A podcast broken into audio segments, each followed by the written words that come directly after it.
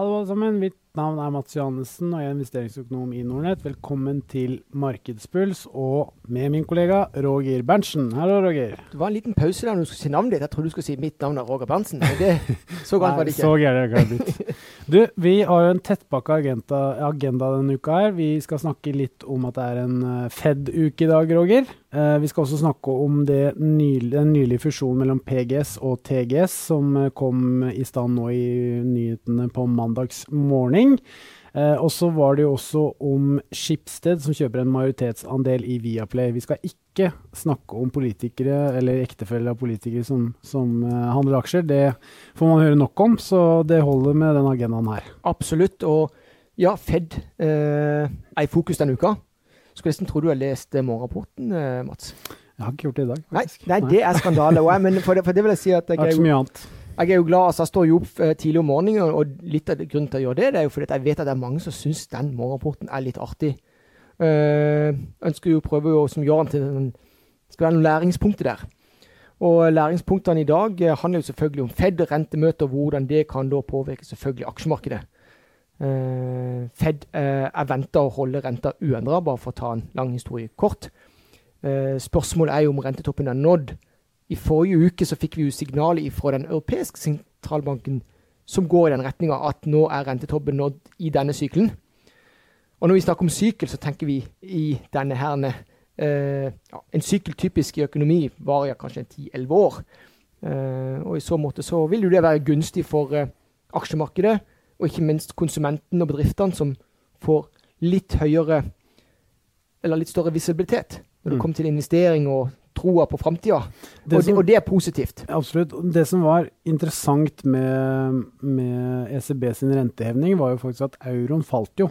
Og det er veldig sjeldent at en valuta uh, svekker seg når, renter, altså når det heves rentene. Uh, og det er jo kanskje et sånt paradoks da, i forhold til at det skjer en sånn litt sånn uvanlig, uvanlig hendelse. Og mitt spørsmål til deg, da, eller kanskje markedets spørsmål til eh, sentralbanken, blir jo da så Stoler man på det? Altså sånn, er det riktig? Ja, nettopp. Det er jo det som er clouet. Markedet da tolker eh, Lagarde, eller sentralbanksjefen i eurosonen, dit hen at, eh, at rentetoppen er nådd for denne gangen i denne sykelen. Mm. Og derfor så får du den impacten på valuta. Spørsmålet om retorikken fra Fed-sjef Jerome Powell blir lik på onsdag eh, som i ECB. Vi vet at de samhandler til en viss grad. Altså de kommuniserer med hverandre. Og det er jo fordi at økonomien, den amerikanske, europeiske og for øvrig den globale økonomien, altså det er så sammenvevd.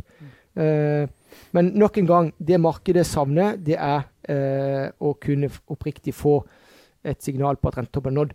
Til syvende og sist så vil jo ikke rentetoppen kunne nås hvis inflasjonen fortsatt skulle vise seg å Ja, eller for, hvis han da plutselig ikke skulle fortsette i den riktige retninga, altså dempe seg, så vil jo ikke rentetoppen være nådd.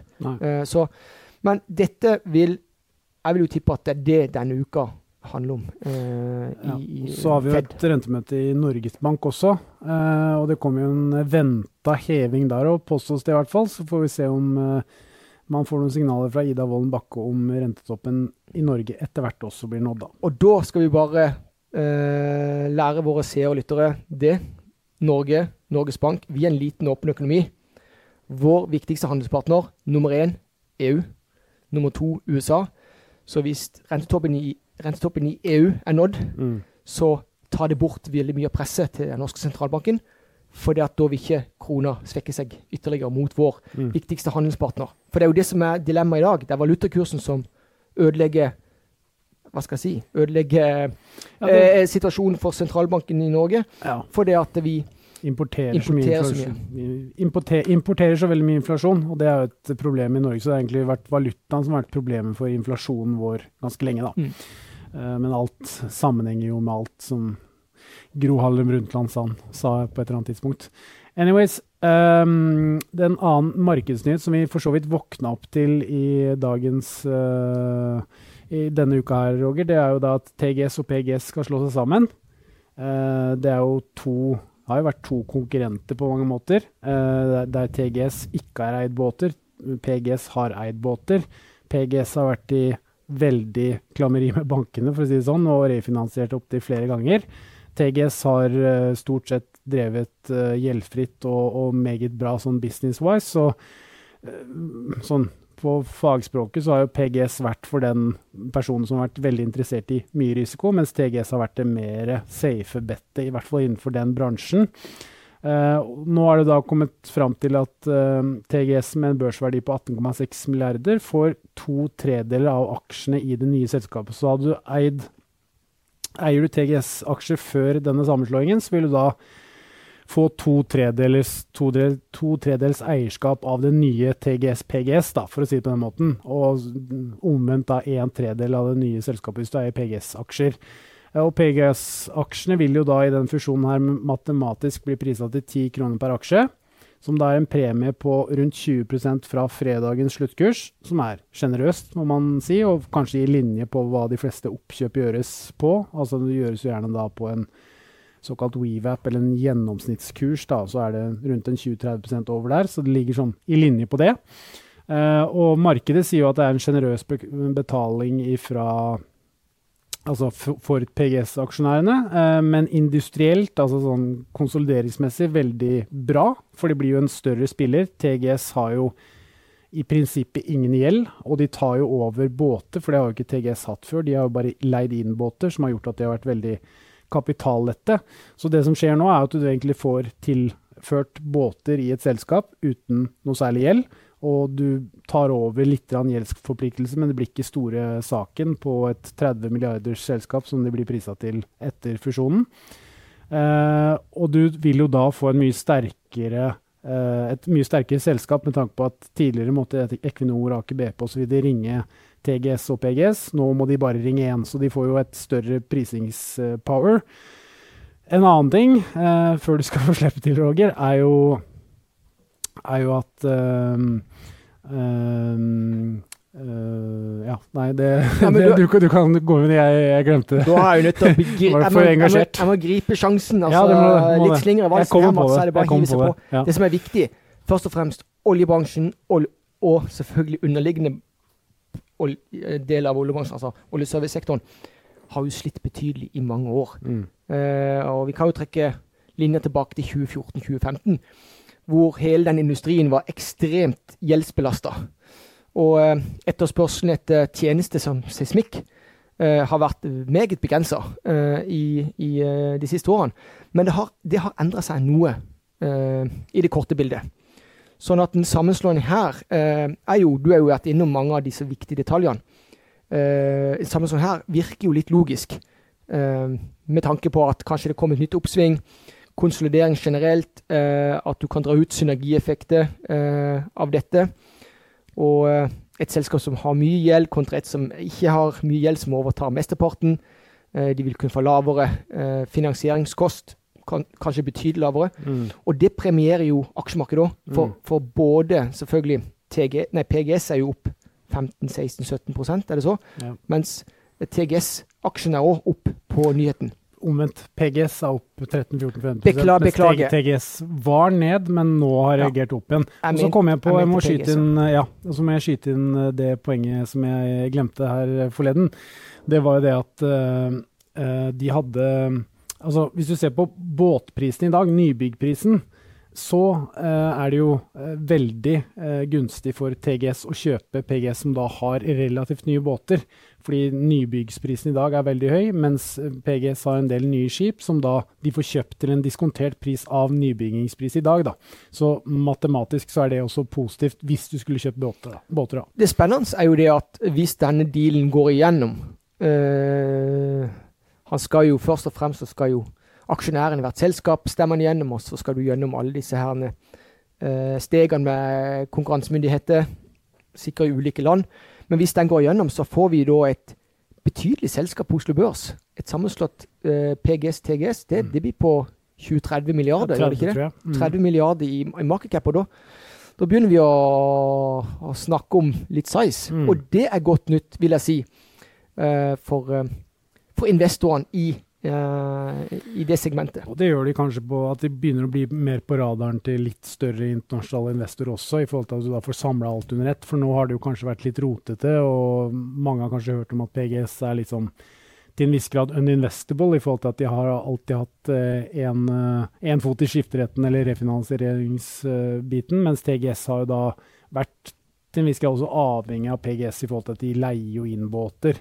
Uh, så, så, jeg tror det er ulendt industrielt positivt. Og så er det jo prisingsmessig, om dette stemmes gjennom, det får vi bare vente og se. Men det er i hvert fall en ganske stor hendelse som jeg tror netto for industrien er positiv. da. Absolutt. Bra. Og den neste saken er jo da, som var den store hendelsen i forrige uke, er jo da at Schibsted blir nest største eier i Viaplay. De har jo da kjøpt aksjer for 380 millioner og blir nest største eier i Viaplay med 10% av aksjekapitalen. Det har jo eh, på mange måter vært mot deres egen strategi. Eh, for de eh, har jo fortalt tidligere at de har jo satset veldig mye innenfor venture og sånne type ting. Hatt et eget fond osv. Og, så og så har de skutt inn mye penger i det. Det har jo selvfølgelig vist seg på kort sikt å være tapslukt, med tanke på at flere av disse selskapene har slitt og måtte refinansiere osv. pga. at det har vært ganske dårlige tider i, i ventureverdenen pga. den økte renta.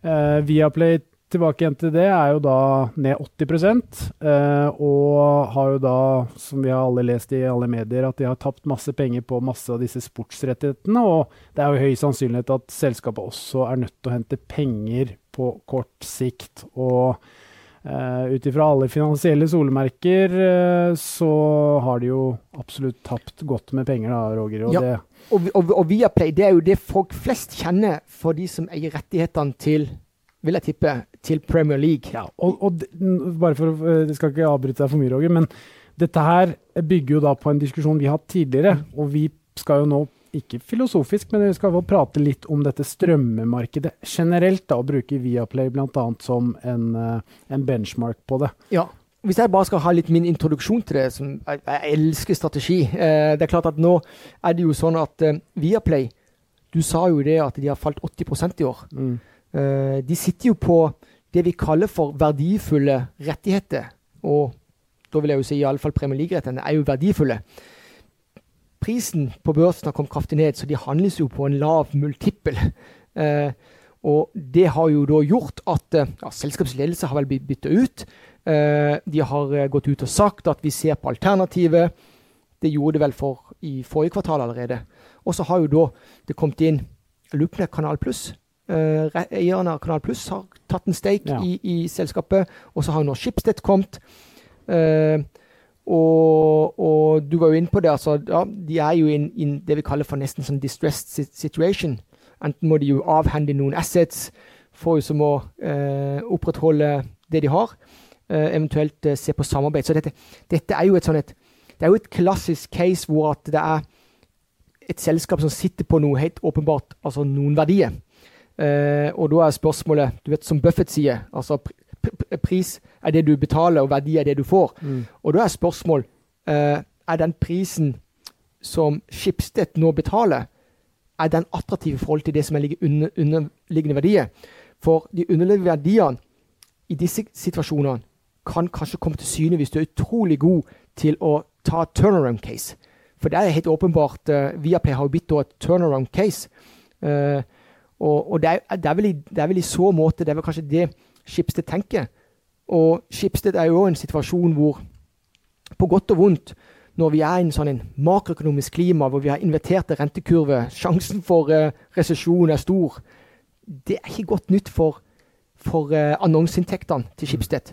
Uh, sånn at de, de, er veldig sårbare for den. Og spørsmålet er at de tenker kanskje Jeg prøver bare å sette meg inn i hodet til den her. Ja. De tenker kanskje at de kan diversifisere seg uh, nå et helt annet publikum, som kanskje er mer stabilt òg gjennom en nedtur. For la det være sagt, jeg må jo bare Jeg blir jo litt engasjert nå, for jeg er jo en engasjert eh, fotballsupporter. Ja. eh, og hvor vi betaler en viss pris for, til Viaplay for oss å se Premier League. Men der tror jeg du er i mindretall. For det, det, ser man jo på Twitter og alle mulige sosiale medier, at folk begynner jo å melde seg av. Og det viser jo disse abonnementstallene også, at er, spesielt i Norge da, så er det for dyrt. Og igjen, tid som i dag med høy inflasjon, alle andre kostnader uh, stiger, så ryker jo sånne type strømmetjenester kjapt. Og hvis man ser sånn helhetlig, altså bort fra Netflix, så har jo den strømmeøkonomien egentlig ikke fungert. For det er jo ingen som tjener penger, bortsett fra Netflix, som de så vidt har begynt å gjøre nå. Så mm.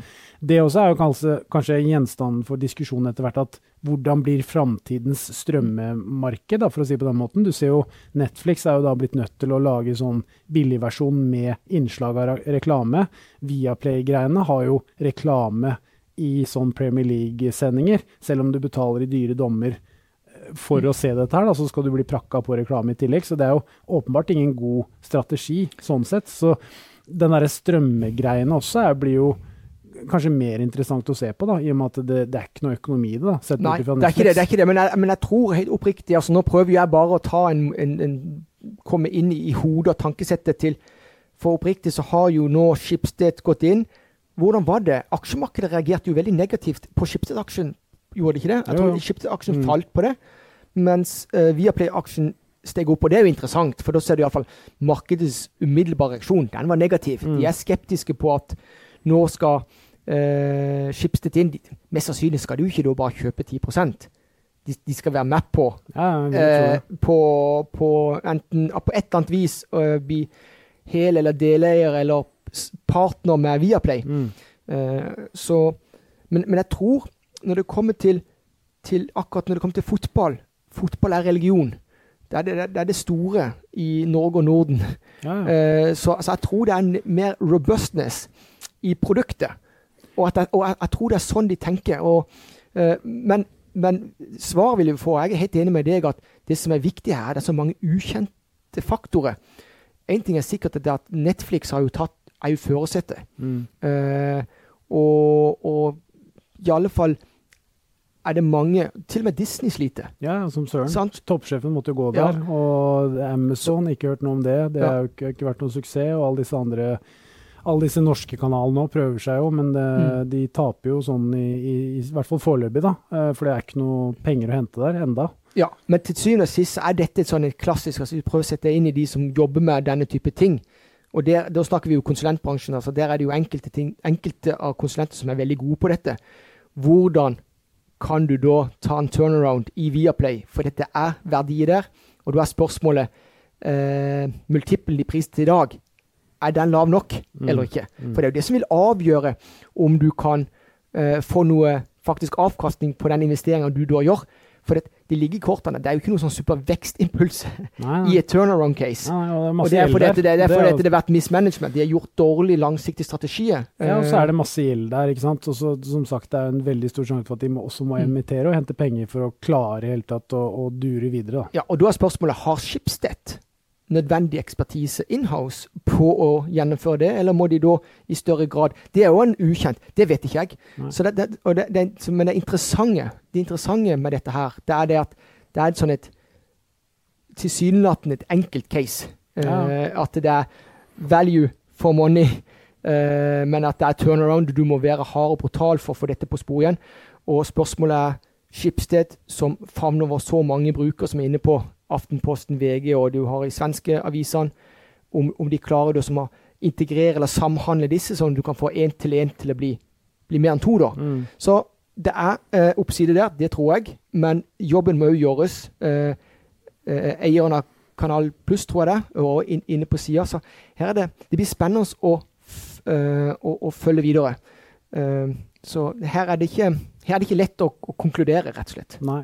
En annen ting som i den gryta her da, som kom fram Jeg leste en artikkel om det var på VG eller noe, var det en eller annen sånn medieekspert som mente på at en del av de sportene som bl.a. Viaplay har eh, på sin eh, strømmetjeneste, vil sannsynligvis over tid måtte betale for å eksponere seg på TV.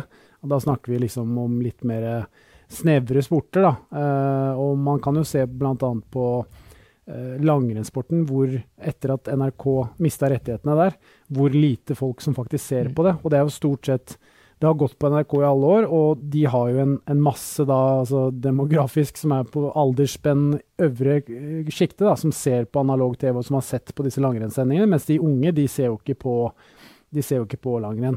Uh, og det har jo Viaplay også fått uh, slite med nå, at det er jo nesten ingen som ser på de langrennssendingene, eller vintersportsendingene generelt. da. En annen ting som også er interessant, er at du ser jo Det er vel uh, generasjon Z nå, tror jeg, som det heter, disse som er ganske unge. altså De er vel ja, fra 15 til 20 eller noe. da. de ser jo ikke på sport heller, for de orker jo ikke. For det er jo sånn TikTok og sosiale mediegenerasjon, ikke sant. Så de, de, de har ikke, de har ikke attention span til, Mm. span til å kunne se så lange ting som en fotballkamp på to timer eller noe. Mm. Så det sånn, jeg så en undersøkelse også på det at det er vel 30% av den generasjonen som ikke ser sport på TV fordi at det tar for lang tid. Og det er også en interessant ting hvis du tenker sånn videre vekst og trend i dette strømmemarkedet. at liksom hva skjer med det, med tanke Mm. på at de fleste bare er interessert i, i klipp da, via TikTok eller Absolutt. sånne reels på Instagram osv. Så, videre. så det er en del sånne interessante menneskelige trender som jobber imot denne Jeg, strømmetjenesten jeg er helt enig. Det er et ekstremt viktig poeng å ta med i denne her, eh, for de som tenker litt så strategisk rundt det. Og eh, at den yngre generasjonen de, de, eh, de oppfører seg litt annerledes når det kommer til eh, TV generelt. Mm.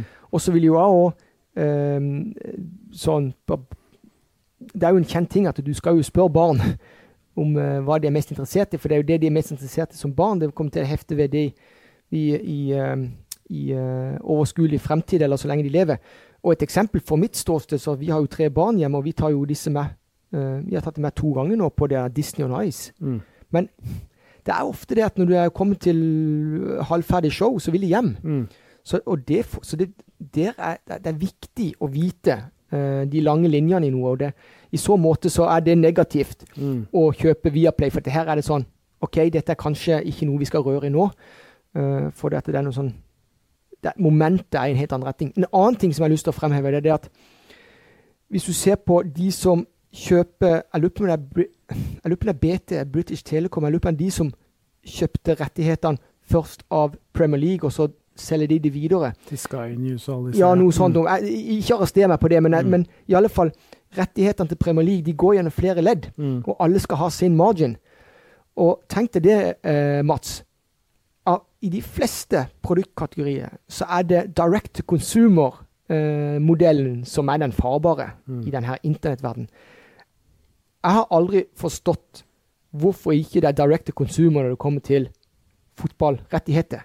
Hvorfor kan ikke Min favorittklubb er jo Manchester United, eller, eller for, og i Norge, de flestes favorittklubb i, i Norge er vel Liverpool, tror jeg. Men hvorfor kan ikke vi da kjøpe billett? Det må være eh, enkelt å, eh, å kjøpe billetten direkte fra en klubb, at du kan organisere det på den måten. Om, om, om det er mulig å få til eh, pga. Alle parter som er involvert i fotballuniverset, det er en annen ting. Men eh, hvis du hadde begynt på nytt, så hadde det selvfølgelig vært en modell direct to consumer. Og den kan du konstruere på en måte som gjør at alle kommer bedre av. Og i så måte er det òg negativt eh, å drive og by i andre eller tredje ledd på rettighetene av, av Premier League. For dette der lønninga har tatt helt av. Ja. Eh, Disse det prises, og, og, og, og in the end så må du ha og bygge en god og, eh, relasjon med kunden. Mm. Du kan ikke, du kan ikke altså Hvis kunden klager, hvis kunden klager og, du svarer med å sette opp prisen, det blir bare vondt verre. Og Så, så det er det verste. Så det, her, her må det i en sånn turnaround av Viaplay, så må du i alle fall ha ekstremt nytt fokus på det som går på branding ja. og, og relasjon til, til kunden. Men du har jo sånne Sånn som i fighting-bransjen, f.eks., så har du sånne pay-per-view. Mm. da, At du har de store kampene, så kan du betale for å se én kamp. da. Mm. Og det kan jo være et eksempel på at hvis du vil se en eller annen finale, eller siste kampen i sesongen, Mm. eller en eller annen storkamp, Manchester mot Liverpool, eller Manchester mot Chelsea, Chelsea eller et eller annet sånt, så kan du liksom se den ene kampen. da. Du kan jo pakke inn masse sånne type avtaler, men det er klart du må tenke nytt på et eller annet vis.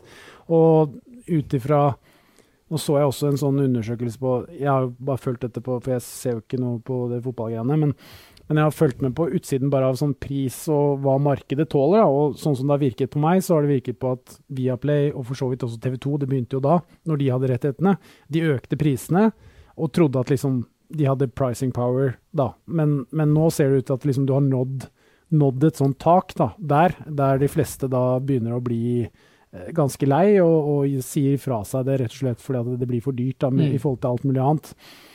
Så hvordan de skal strukturere det fram, hvordan de skal løse det, er jo det som det blir det interessante. Men jeg tror jo på mange måter at eh, Jeg tror de kanskje hadde en overdreven tro på den norske konsumenten, med tanke på at prisen i Norge er jo mye høyere enn i Sverige. Og i Nederland så betalte de 150 kroner i måneden eller noe sånt. Noe sånn ganske overkommelig pris, da.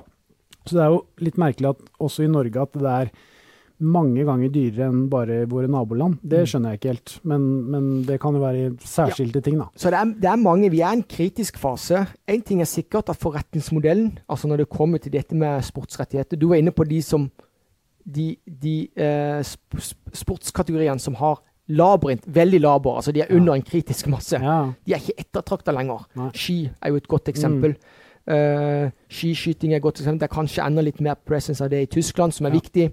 Du var jo inne på før sending at ski, skihopp òg populært i, i, i veldig store økonomier som Tyskland. mm, Det er utrolig mange ukjente der ute. ja. Sånn at her eh, tror jeg det er viktig å trå varsomt. En annen ting er det at for de som følger den her ja, for fotballverden, sånn som Erling Braut Haaland, som er jo som Han er vel nummer én i mest populære i dag.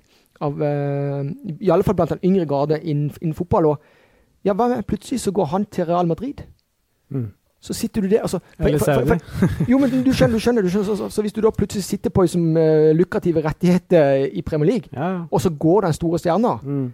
det får Altså, det, det kan egentlig bare bli dårligere ja, ja, hvis han da går til, annet, til en annen klubb uh, eller en annen serie. Så her er det mange eh, ukjente så det, For meg blir det utrolig gøy å følge dette videre. Mm. Uh, for jeg tror ikke det er nødvendigvis uh, like lett med sånne turnaround case i dag, sånn som det kanskje var for 10-15 år siden, hvor det var fast at, at, at, at det er ikke direct to consumer, men at det er flere ledd som skal profitere på det. Mm.